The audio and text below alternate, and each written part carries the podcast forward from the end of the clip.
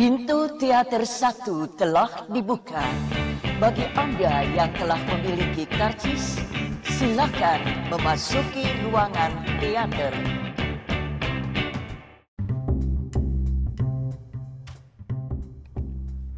Halo semuanya, balik lagi sama gue Mustafa di podcast Habis nonton film Gimana kabar lo semua? Semoga baik-baik aja Semoga sehat Semoga kegiatan lancar Semoga tujuan-tujuannya tercapai. Semoga tidak ada yang sakit hati. Cie. Semoga hubungan asmaranya oke-oke aja ya. Apa sih? Gue pengen apa sih? Uh, gue tuh lagi demen-demen nonton serial ya karena Netflix uh, itu ternyata menyenangkan banget loh. Gue udah cukup aktif menggunakan Netflix tuh sekitar beberapa bulan terakhir sih tapi kayaknya akhir-akhir ini kayak gue mencoba untuk nonton serial-serial juga. Selain nonton film gitu kemarin gue sempat nonton Dear X nonton uh, Two Days Special yang gue nggak terlalu pengen ngebahas sih cuma ya itu dua film yang menarik banget gitu. Uh, satunya ngomongin tentang permasalahan masa lalu antara selingkuhan dengan uh, mantan istri gitu. yang satunya lagi Today Special ngomongin tentang uh, cita rasa nasionalisme seorang koki yang harus memilih antara ber, mengejar karirnya atau uh, apa ya membanggakan orang tuanya gitu deh pokoknya. Bagus bagus. Bagus udah bagus. Nah uh, kali ini gue tuh pengen ngebahas satu serial yang baru aja gue tonton. Judulnya Sex Education. Sebuah serial dari Netflix yang uh, premisnya itu menceritain tentang seorang anak bernama Otis, seorang remaja bernama Otis yang masih perjaka dan memiliki hmm, apa ya permasalahan seksual pada dirinya karena dia tidak bisa masuk tidak bisa uh, ejakulasi saat masturbasi dan bahkan dia nggak bisa masturbasi kayaknya. Tidak suka nggak suka masturbasi. Uh, padahal ibunya adalah seorang seks terapi. Seks terapis sorry. Seorang seks terapis. Uh, nah itu kan sebuah sebuah kontradiksi yang sudah menarik tuh ya. Ibunya seorang ahli di bidang seks sedangkan anaknya sendiri pun uh, masturbasi aja nggak bisa. Aduh kita ngomong masturbasi itu agak ribet gitu cepet. Yang akan ngomong coli dua. Coli. Daripada masturbasi empat. Masturbasi empat suku kata men. Coli cuma dua. Anyway uh, nah uh, si Otis itu memiliki teman bernama Eric. Seorang homoseksual yang memiliki keluarga yang mayoritas perempuan dan berkulit hitam ya lo udah bisa meng, meng apa ya bisa menyimpulkan gitu ya udah kulit hitam homoseksual uh, keluarganya juga nggak terlalu mapan gitu jadi dia mendapatkan bullying yang cukup oh, cukup berat gitu di di sekolahnya. Nah, selain Otis, ada juga seorang perempuan bernama Maeve. Maeve ini adalah seorang uh, cewek pinter, tapi datang dari keluarga miskin gitu. Keluar kedua orang tuanya udah nggak ada, dan Maeve ini juga memiliki seorang kakak yang kerjanya jual narkoba Nah, Maeve ini uh, cukup gu, cukup kuat eh cukup kuat, cukup keren di seksnya ya, maksudnya dia terkenal sebagai cewek yang uh, suka gonta-ganti pasangan gitu. Sebenarnya sih uh, kalau bagi Maeve seks itu ya cuma sebuah aktivitas gitu ya, maksudnya nggak usah pakai perasaan, nggak usah pakai uh, hubungan gitu ya. Udah kalau mau seks ya seks aja gitu. Nah, lalu ada juga satu karakter bernama Adam. Adam ini merupakan seorang uh, apa ya perundung apa sih orang suka ngebully yang merupakan dia eh, yang dia sendiri merupakan seorang anak kepala sekolah yang satu sekolah semua tuh berempat Maeve, Eric, Otis sama Adam gitu. Nah si Adam ini tuh nggak bisa ejakulasi ketika sedang berhubungan seksual. Gitu. Menarik nggak? Menarik ya maksudnya. Uh, karakternya tuh udah terbangun dengan sangat jelas semuanya. Dan sebagai penonton kita tuh berusaha untuk mengenal mengenal masing-masing karakter dan akhirnya care gitu.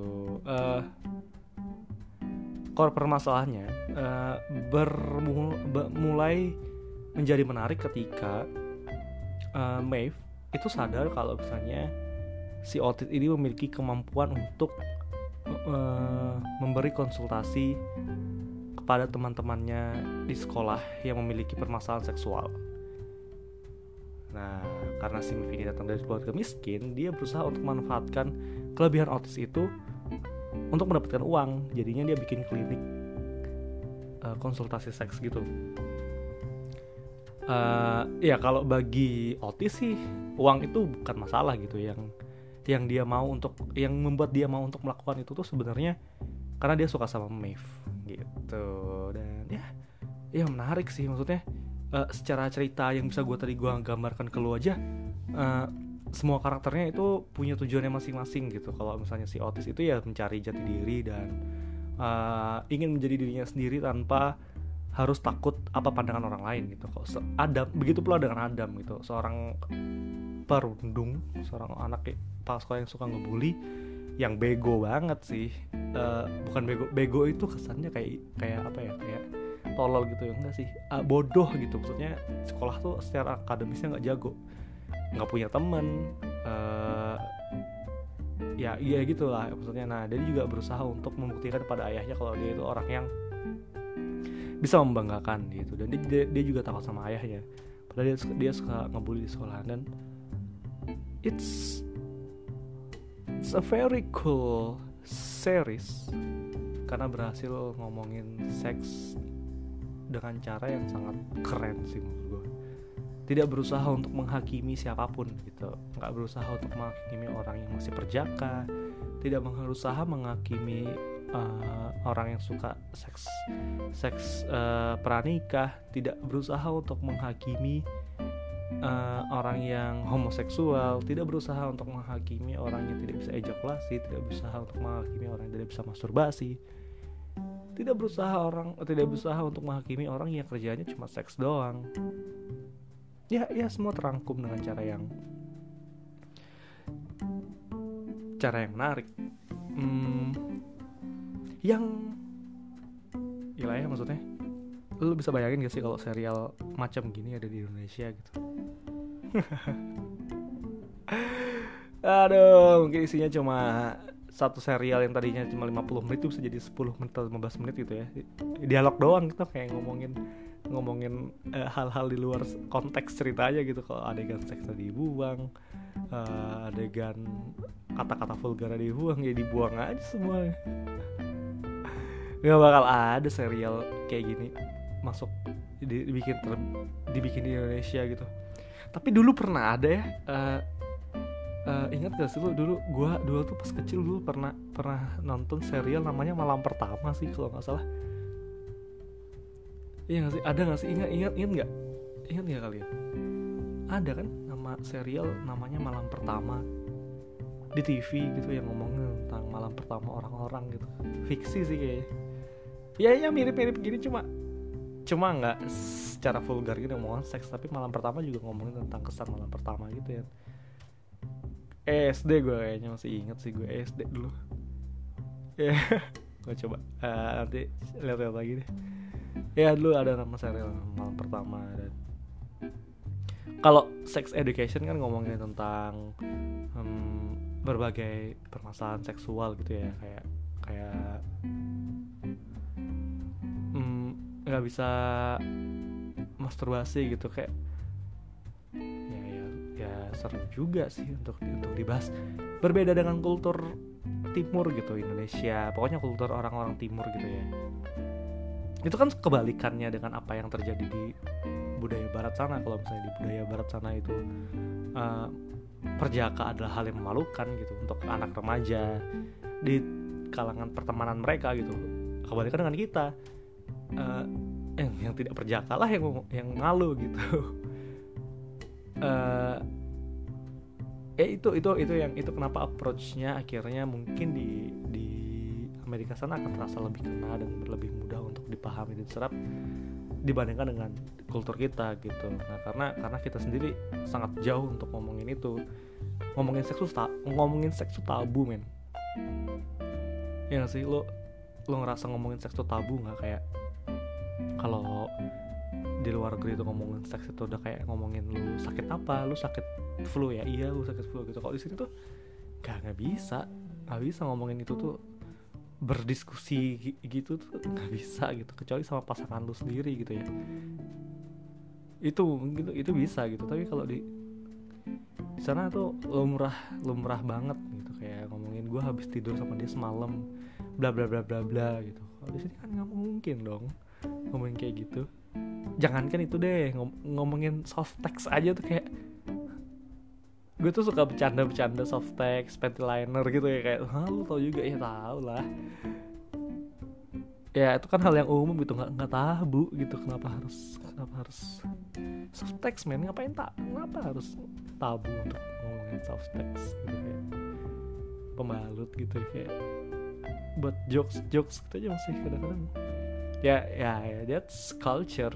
Itu yang membuat perbedaan budaya satu sama lain. Nah nggak usah jauh-jauh ngomong. Eh selain itu ciuman gitu kayak uh, kalau ngeliat sex education atau serial-serial barat di film apa segala macam gitu potret budaya di sana tuh kayak ciuman di pinggir jalan apa segala itu lumrah banget kalau di sini. Wah jangan kan wah bisa ketahuan ciuman di pinggir jalan mah udah jadi bulan-bulanan kali. Itu gitu. Itu yang itu yang yang cukup membedakan kenapa budaya kita. Ya mungkin kalau di Thailand Thailand masih masih bisa kali ya. Masih cukup cukup vulgar. Cukup vulgar. Di sana juga uh, ya ya ya Indonesia tuh sangat sangat sensitif dengan hal yang berbau seks gitu ya. Semua dianggap porno gitu Sandy-nya di SpongeBob aja kalau di TV disensor tuh what the fuck? Kenapa? Kenapa? Kenapa disensor? Emang emang anak-anak SD SMP gitu kalau nonton tuh akan horny kan? Enggak gitu. Uh, ngerti ya gue dulu pertama kali SpongeBob keluar tuh nggak kenapa kenapa lo Sandy pakai bikini apa gitu.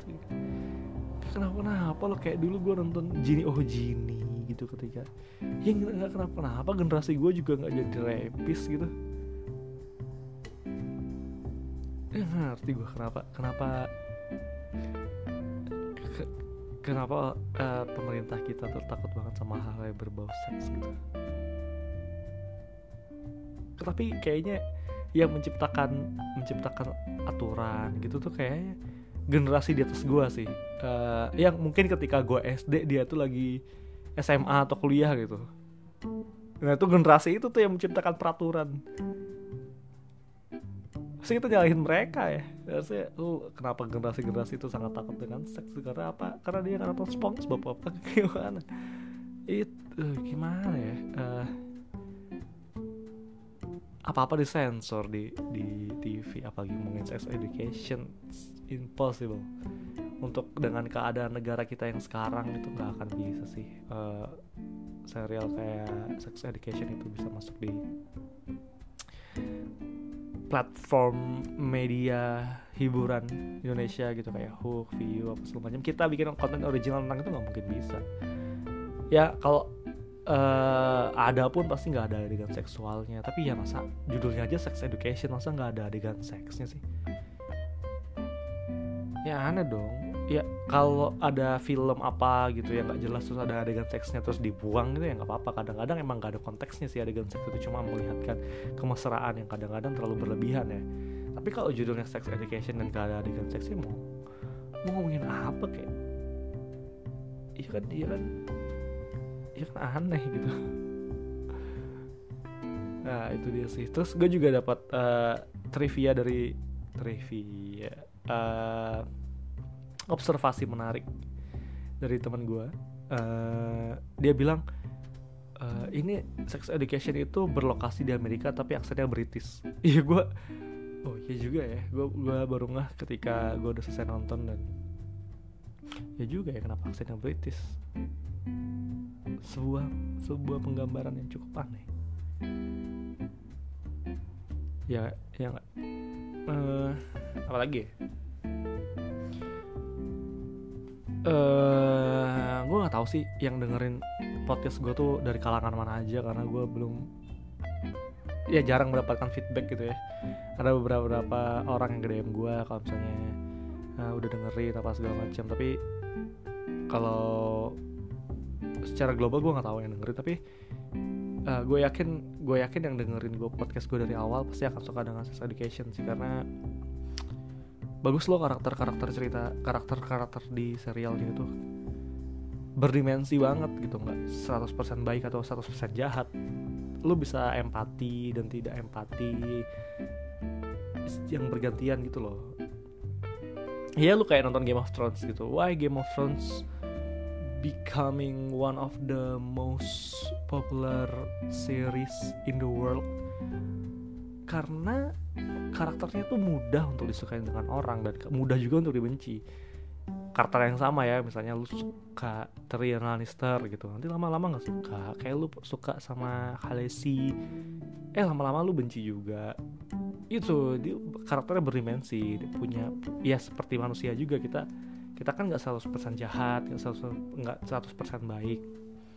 Itu juga yang ada di uh, sex education meskipun karakternya nggak sedalam dengan serial-serial lain tapi menarik lah.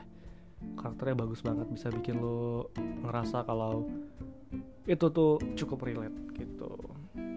Bagus lah bagus. Sex education bagus.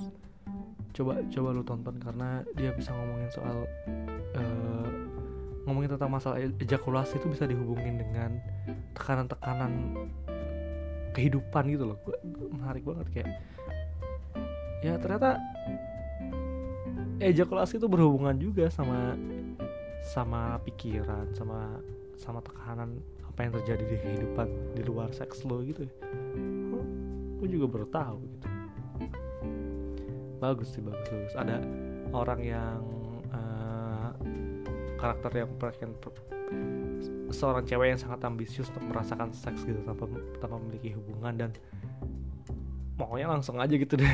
Ada karakter yang datang ke orang kamu mau seks sama aku nggak? Gitu ada karakter yang gitu terus saya nanya-nanya kamu mau seks sama aku mau seks sama aku Se segamblang itu ya di sana kalau di sini orang pasti dikira orang gila kali. Orang gila jiwa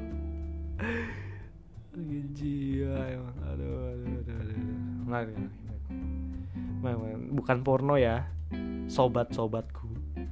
Teman-temanku uh, ini bukan film porno. Aman kok aman. Ya ada sedikit nudity-nya tapi ya ya masih wajar lah. Lebih sereman lebih frontal uh, Game of Thrones malah. Ini cukup santai kok. Cukup santai dengan dengan kalian semua apalagi ya? Uh, ya ya itu aja sih yang mungkin bisa gue sampaikan untuk episode kali ini. Tonton dari Netflix. Kalau kalian hmm, punya komentar atau saran atau film apa yang kira-kira bisa gue tonton kontak aja di Instagram atau Twitter at Mustafa RAWK atau email kontak mustafa oh ya gue juga berusaha untuk memindahkan uh, ini ada telepon. Jadi buru-buru gue habisin. Gue juga memindahkan podcast ini ke YouTube supaya mudah diakses gitu sambil kalian kerja atau segala macamnya. Sampai jumpa di episode selanjutnya. Dadah